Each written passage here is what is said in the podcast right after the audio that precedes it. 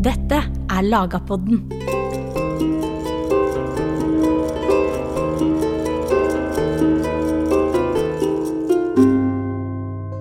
Vi veit Magnus Lagerbøte fikk undervisning i fransiskanerklosteret i Bergen. Hva veit vi om klostervesenet i Norge? Når fikk vi kloster? Hva betydde de intellektuelt og økonomisk for det norske riket i høgmellomalderen? Og hva veit vi om fransiskanerne og deres klostervesen både i Europa og i Norge? Med oss for å svare på disse spørsmålene har vi Alf Tore Hommedal, førsteamanuensis ved Universitetet i Bergen. Du lytter til Lagerpodden, en podkast av Nasjonalbiblioteket. Mitt navn er Jørn Øyrehagen Sunde.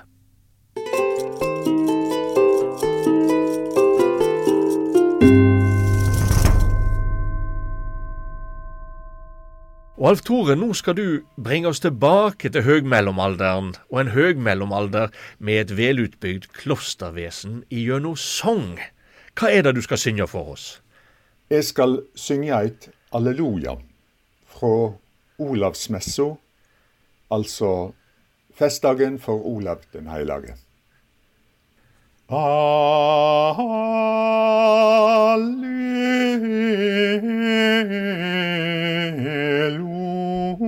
Alleluia.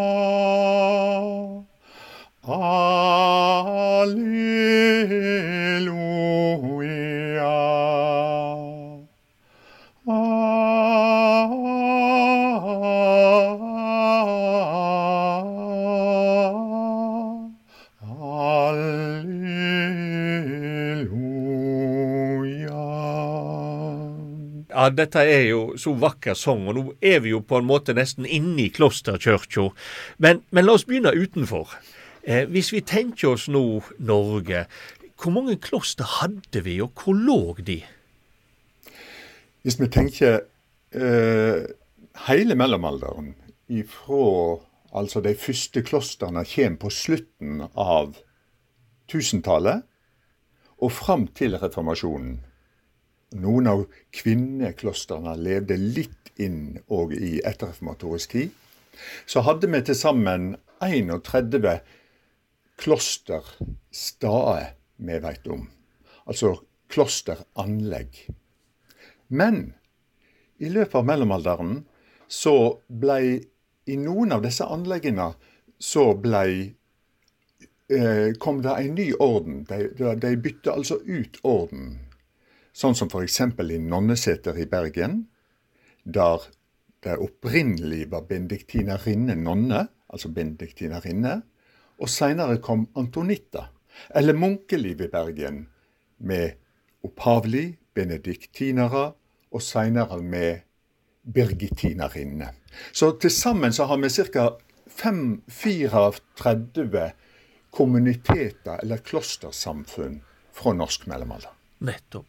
Men, men du nevner jo Nonneseter og, og munkeliv. Lå de primært i byene, eller lå de òg ute på landsbygda?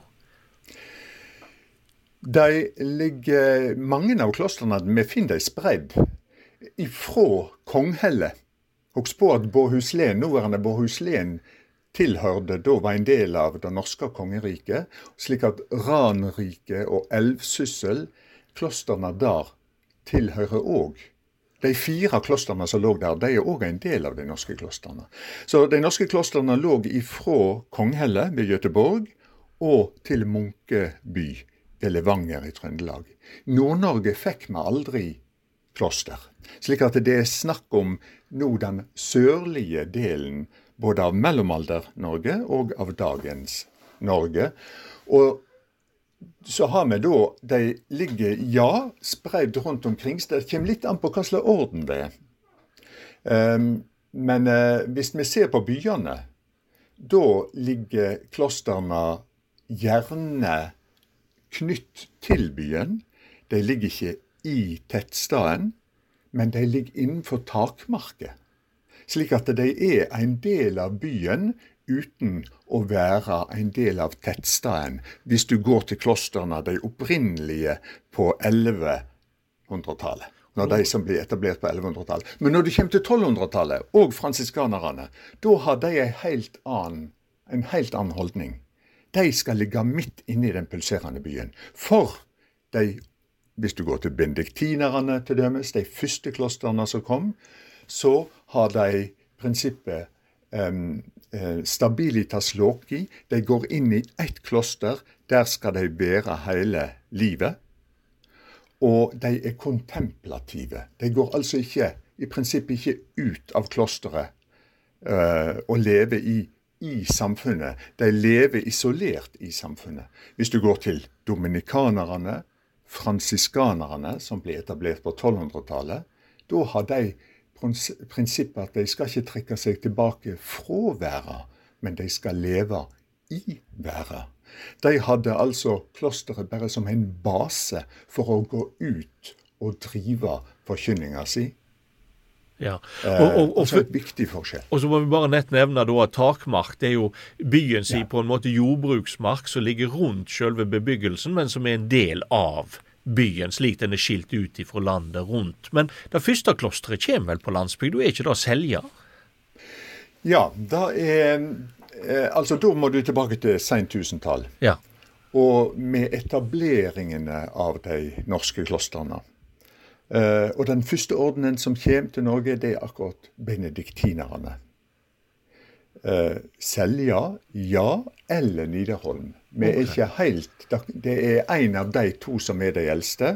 Nidarholm forteller ei eh, kjelde at det ble grunnlagt alt av Knut den mektige. Altså, um, altså like etter at Olav fall. Olav Haraldsson fall. Men da, hvis det stemmer, så var det iallfall ikke levedyktig. Slik at det blir grunnlagt på nytt rundt 1100. Nei. Når det gjelder Selja, så ser det ut som at eh, det er grunnlagt av Olav Kjørre. Um, og da altså før 1093. Som er en del av dette med at han etablerer bispesetet på Selja. Og hvorfor blir bispesetet og da et kloster lagt til Selja, når Olav Kjørre sjøl nok har meint at det egentlig skal ligge i Bergen. Fordi at han samtidig som han etablerer eh, bispesetet på Selja, så bygger han og begynner han å bygge domkirka i Bergen. Jo, det må være av at her på Selja var det funnet altså relikvier av seljumennene, de hellige på Selja. Og da var det viktig å knyte disse helgenene til bispesetet, og benediktinerne kommer nok der som en del av dette å bygge opp kulten rundt de hellige på Selja. Og det samme må nok ha skjedd i Trondheim når de kommer til Nidarholm. Og det kan òg Altså de tre første bispesetene. Selja, senere Bergen. Nidarholm, eller eh, Nidaros og Oslo, de får antageligvis alle tre benediktinere i den tidlige fasen. Fordi det kan faktisk være, det er ikke sikkert, men det kan se ut som, iallfall en, en hypotese, at benediktinerne kom til Hovedøya og etablerte Hovedøya-klosteret, og så overtok sistersienserne der i 1147. Og Framveksten av klostervesenet er jo òg viktig fordi det skal være med oss å skape regionale og nasjonale identitetsbilder. Og det skal vi få høre om om en liten øyeblikk.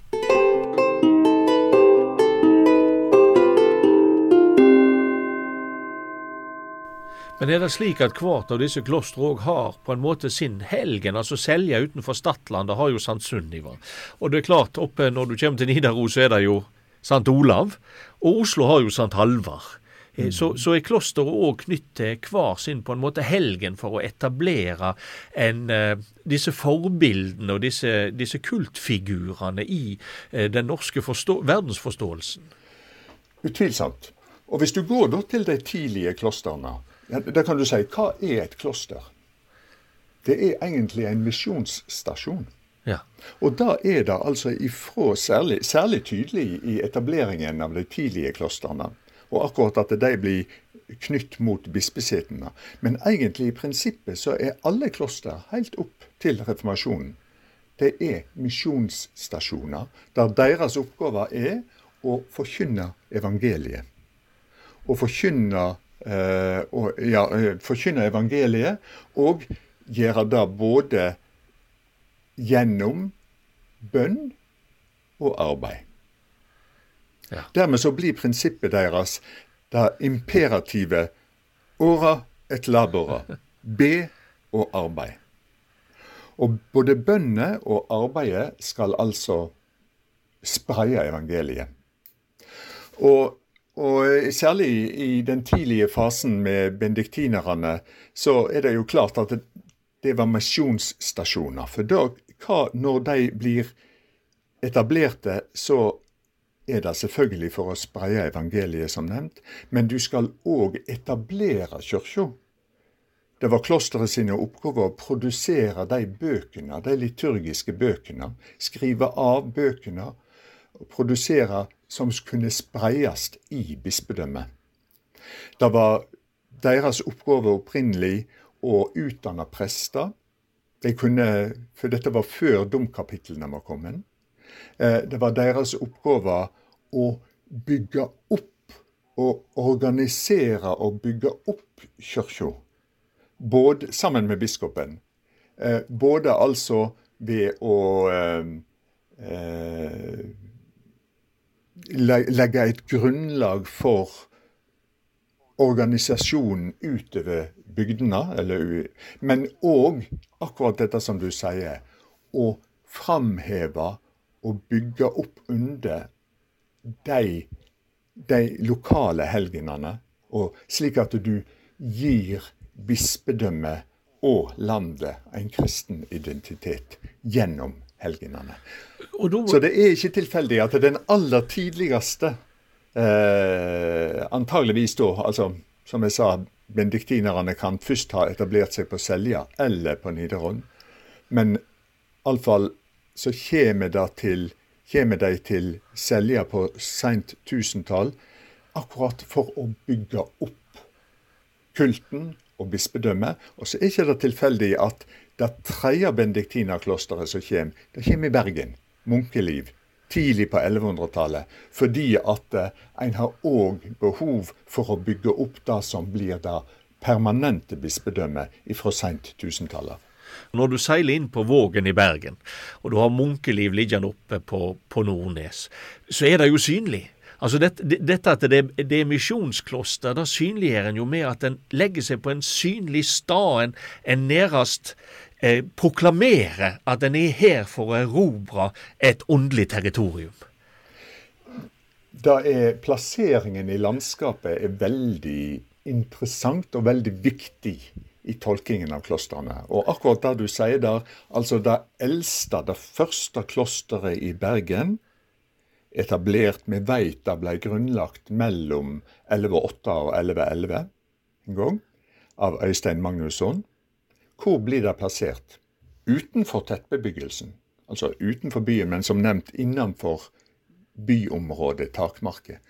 Men det blir allikevel plassert på den høyeste punktet på halvøyet Nordnes, på Nordnesryggen, og rett ovenfor det som i dag er Bryggen. Hvis du tenker Bryggen i Bergen i dag, altså hvis du tenker de som i løpet gjennom mellomalderen sjauer der og lasta og lossa og arbeider, hva ville de se på andre sida av Vågen, rett ovenfor seg, liggende som en fondvegg, annet eller Munkeliv kloster. Så, og de vil ikke bare se det, men de ville kunne høre, hvis vinden var rett, så ville de kunne høre klokkene inne i byen. De kunne følge med, de kunne ta del i det liturgiske livet gjennom klokkeklangen og vite at oi, nå ber de nons. Ja. Og, og, og, og, nå er det messetid. Eh, så slik altså at eh, klosteret er eh, Munkelivet er en veldig godt døme på hvordan et kloster kan bli en integrert del av byen uten å ligge i tettbebyggelsen. Og hvordan da å erobre landskap, og da å erobre et Ja. åndelig territorium. der Det går nesten Ja. hånd i hånd. Men eh, hvis vi nå sto på Munkeliv i Bergen og så ned i byen, og vi så ned i på en måte den mørkeste delen, faktisk, den med, med minst sol òg, så, så ser vi jo ned på fransiskanerne. Og da har du jo nevnt, sant, fransiskanerne, de som dominikanerne, de vil bo inn i byen. Men dominikanerne de bor helst i nærheten av makta, av slottet. Ja, Fransiskanere det norske- ja, Ja. Hvis du ser på den, plasseringen av de norske dominikanerklostrene, de fire norske dominikanerklostrene, så er alle knyttet til bispebyer. Og de ligger alle i biskopens administrasjonssenter. Ved domkirka, ved bispegården, ved ka- kannikgarden. Det er altså Der finner du dominikanerne Så dominikanerne lå altså midt i det biskoplige eller kirkelige Ja. senteret, var en del av den organisasjonen. Mens fransiskanerne de lå midt inne i den pulserende byen. ja.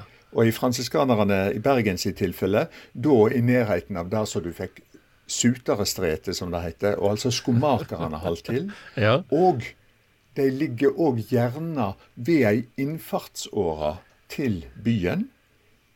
Inne i byen, kanskje i utkanten av byen, ei, men ved ei innfartsåre til byen. Akkurat som de gjør i Bergen, der du, de ligger ved dagens Kong Oscars gate, som altså går fra sør og inn til byen. Men når kommer disse klostrene? Du sa eh, fransiskanerne i Tønsberg er de første.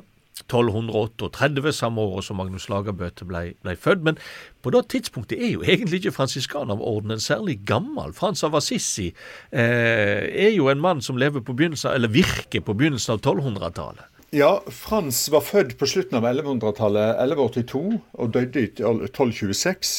Og på, han fikk altså ei, da, ei omvending som et resultat av at han hadde sittet i fangenskap pga. en krig eh, mellom Assisi og Perugia. Så fikk han altså ei omvending der han, han, han, eh, han,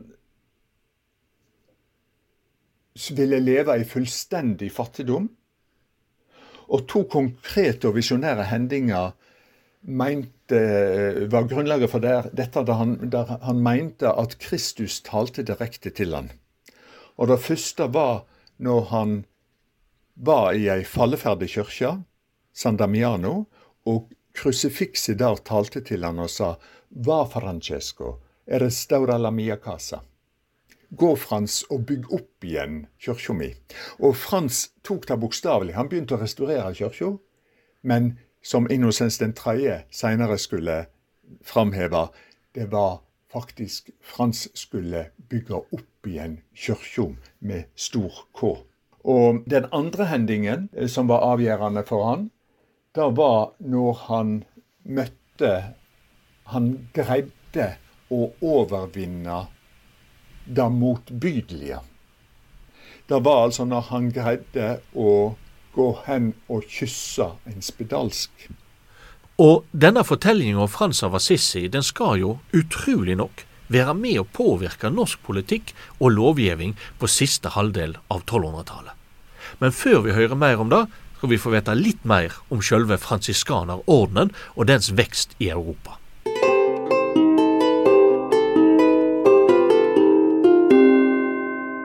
Dette med at han overvinner det motbydelige skal jo bli et karaktertrekk ved fransiskanerordenen, nettopp at de virker blant de elendigste i samfunnet. Men, og, og dette får jo eksplosiv kraft. altså Fransiskanerordenen skal jo bre seg utover Europa med egentlig et påfallende høyt tempo. Ja, altså allerede mens Frans levde, så kom fransiskanerne til eh, Frankrike, til Tyskland, til England. Og de begynte til og med å nærme seg Skandinavia. Noen få år etter at han var død, så kom de første fransiskanerne, som det står i krøniken, på sine bare føtter til Ribe i Danmark. Nettopp. Og så spredde de seg videre til Norden, og Norden ble da til slutt oppretta som en egen fransiskanerprovins. Ja, fordi fransiskanerne er jo ikke knytt til klosteret sitt, de er knytt til provinsen sin. Kan du si litt hvordan det fungerte? Ja, Det er altså en forskjell i forhold til de eldre ordnene. Sånn som vi snakket om at det, da du benediktiner, så skulle du ha stabilitas loki. Du gav du lovde å gå inn i ett kloster, og der skulle du være livet ut. Jo, fransiskanerne og dominikanerne, så vidt, så var det et helt annet prinsipp. Du gikk ikke inn i ett ordenshus, men du gikk inn i en provins. Du kunne flyttes klostrene imellom. Det var vesentlig for dette her med at du skulle ha klosteret som en base å gå ut. Du var altså ikke så knytt til det bestemte klosteret som da du var i de eldre ordenene. Og det gjorde altså at eh, fransiskanerne og dominikanerne ble flytta rundt i hele Norden. Og dermed så var de òg ekstra viktige spredningskanaler for innovasjoner, for nye tanker, for nye ikke sant? Fordi at de, de, du kunne flytte rundt både på prestebrødene og på lekbrødene, som f.eks. skulle arbeide med bygningene. Og Dermed så kan du òg se eh, nyvinning òg i arkitekturen. Ja, og Magnus han skal jo seinere få si opplæring hos fransiskanerne i Bergen. Det er nesten som om en har kanskje tenkt at han skal få en, en geistlig karriere, mens broren jo fikk en definitivt var tenkt en verdslig karriere som, som konge. Dette veit vi jo ikke, men en kan jo spekulere. Og eh, hvor veit vi dette ifra, eh, Alf Tore, at eh, Magnus fikk undervisning hos fransiskanerne i Bergen? Det kjenner vi ifra ei skotsk, en engelsk-skotsk krønike, Lanakost-krøniken, eh, fra, fra ca. 1300. Eller den går Den omtaler hendinger både før og etter 1300, rundt 1300. Og der får du altså Det er litt interessant fordi at bakgrunnen for at Magnus er nevnt, det er ikke Magnus sjøl. Men det er da det er svigerdattera hans ja. Margarete Aleksandersdatter.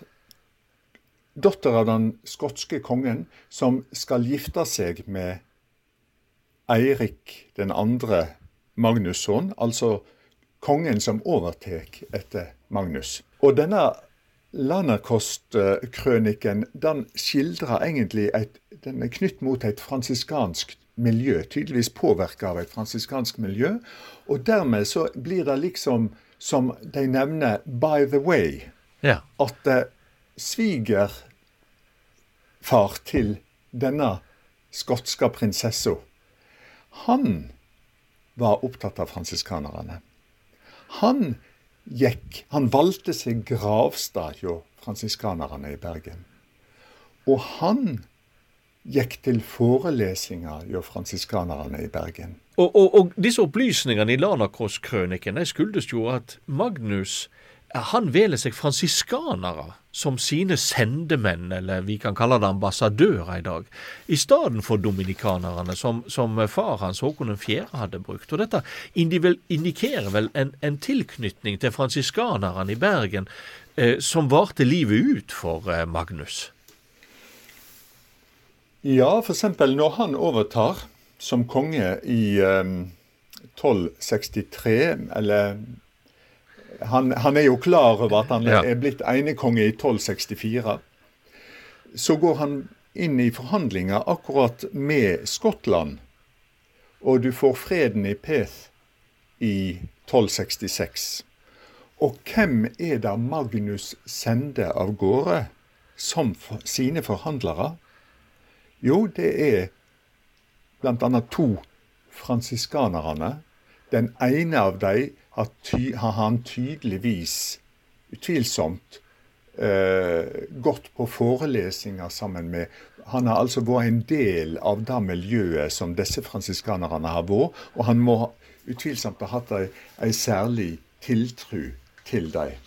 Og ikke, ikke bare bruker han fransiskanere som sendemenn, han blir gravlagd i kirka deres, som han sjøl er med å finansiere bygginga av, men han, eh, han gir jo i testamentet sitt gave til de fattige. som er jo fransiskanerne. De jobber jo mot de fattige. Men enda mer, han er jo en hospitalbygger. Og han sentrerer jo faktisk òg hospitalet i Bergen rundt fransiskanerklosteret. Kan du fortelle litt om, om dette? Ja. Faren Håkon Håkonsson oppretta et hospital i Bergen, Katarina-hospitalet, som lå i nordre del av byen. Eh, ikke så langt fra dagens Mariakirke. Men Magnus, men Magnus, ja. I 1266 så etablerer han Så kjenner vi altså at han, han flytter dette hospitalet inn mot Plasserer det like ved fransiskanerklosteret. Samtidig så etablerer han, og da, og da blir det etablert som et fattighospital for kvinner med 20 sengeplasser. Samtidig så etablerer han òg, eller iallfall han organiserer, nyorganiserer. Det kan være at faren har oppretta eh, Allehelgenshospitalet for menn òg. Men, men iallfall Magnus organiserer både mannshospitalet og kvinnehospitalet. 20 sengeplasser for kvinner, 30 for menn. Og så blir de altså plassert akkurat i dette området der fransiskanerklosteret holder til.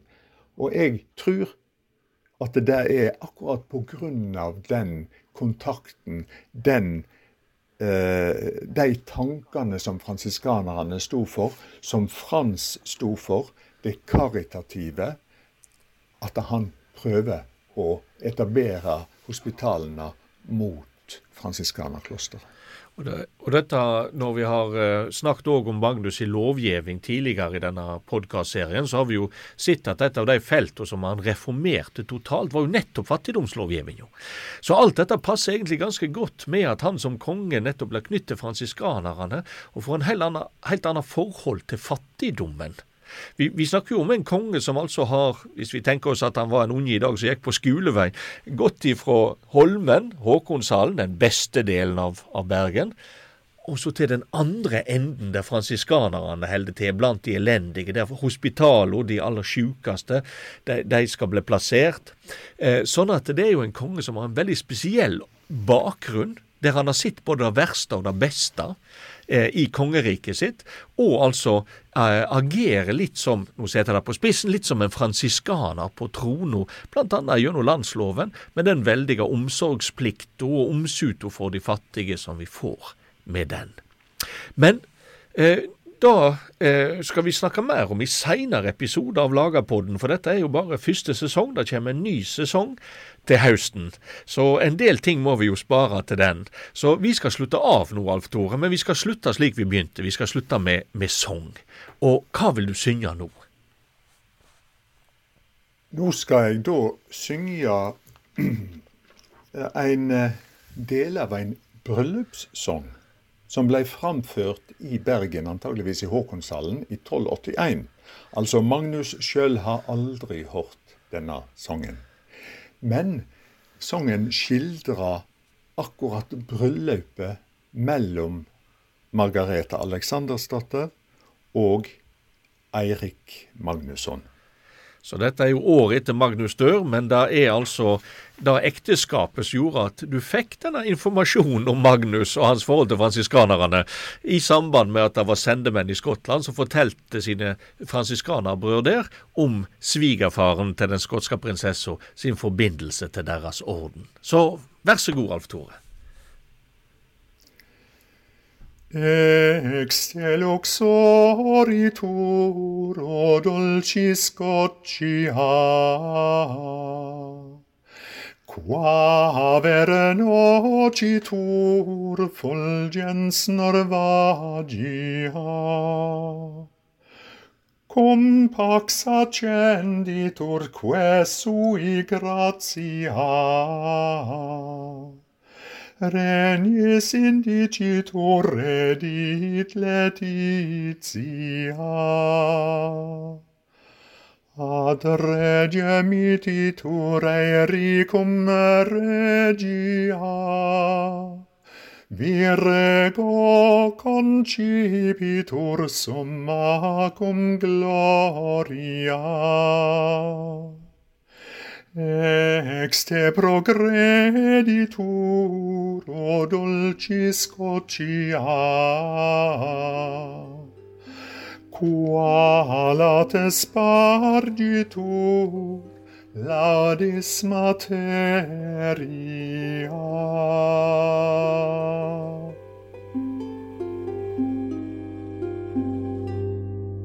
Thank